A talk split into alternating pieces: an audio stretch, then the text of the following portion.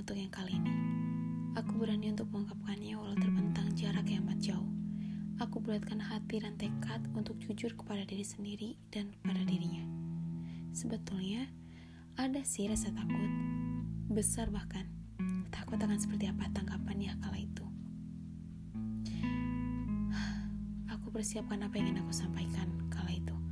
Kurangkaikan kata dengan harapan besar agar sampai pada tujuannya. Berulang-ulang pula aku membuang dan menarik nafas. Ini kali pertama aku melangkah melewati zonaku sendiri. Terus meyakinkan diri sendiri bahwa aku bisa melakukannya.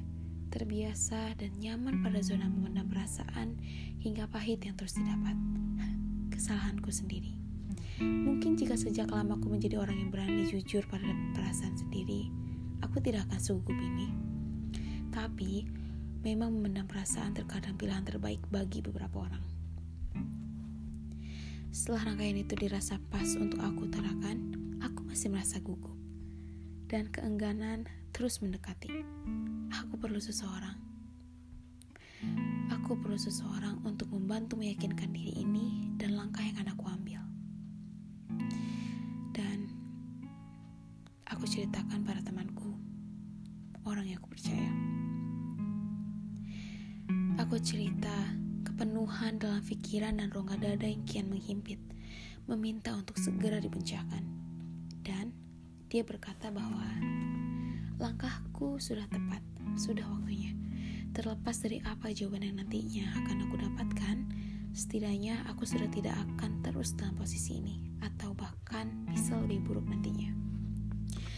Kembali teguhkan hati dan yakin pada langkah ini untuk terakhir kalinya Ku utarakan seluruhnya yang selama ini memenuhi kepalaku hingga aku pusing dibuatnya. Aku sudah mengira bahwa akan butuh lama untuknya membuka rekaman audio itu.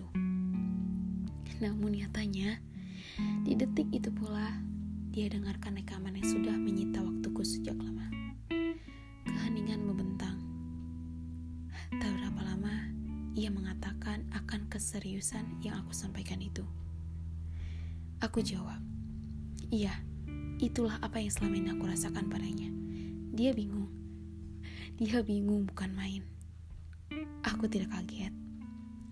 Aku katakan padanya, bukan maksudku memintanya menjadi milikku. Bukan. Aku hanya ingin dia mengetahuinya. Agar aku bisa berdamai pada diriku sendiri. Membebaskan diriku sendiri dan agar aku semakin paham batasanku juga tidak semakin tenggelam pada rasa semuanya. Ia mencoba memproses apa yang ia dapatkan waktu itu sepertinya. Aku tersenyum. Dalam hati, sepertinya ini sesuai dengan dugaanku. Lagi. Ia kembali mengatakan bahwa ia kebingungan. Dan aku kembali meyakinkan dirinya untuk tidak perlu difikirkan. Karena hanya ini aku inginkan. Didengar.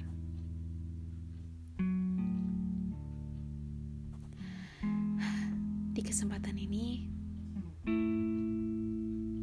aku ingin mengucapkan rasa terima kasih kepadanya. Tanpa ia sadari, ia telah membantu banyak.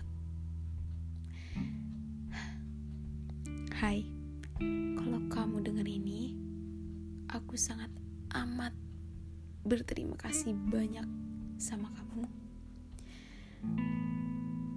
Karena tanpa kamu sadari, kamu mendorong aku untuk berani dan jujur pada diri sendiri. Hai, terima kasih udah bantu aku.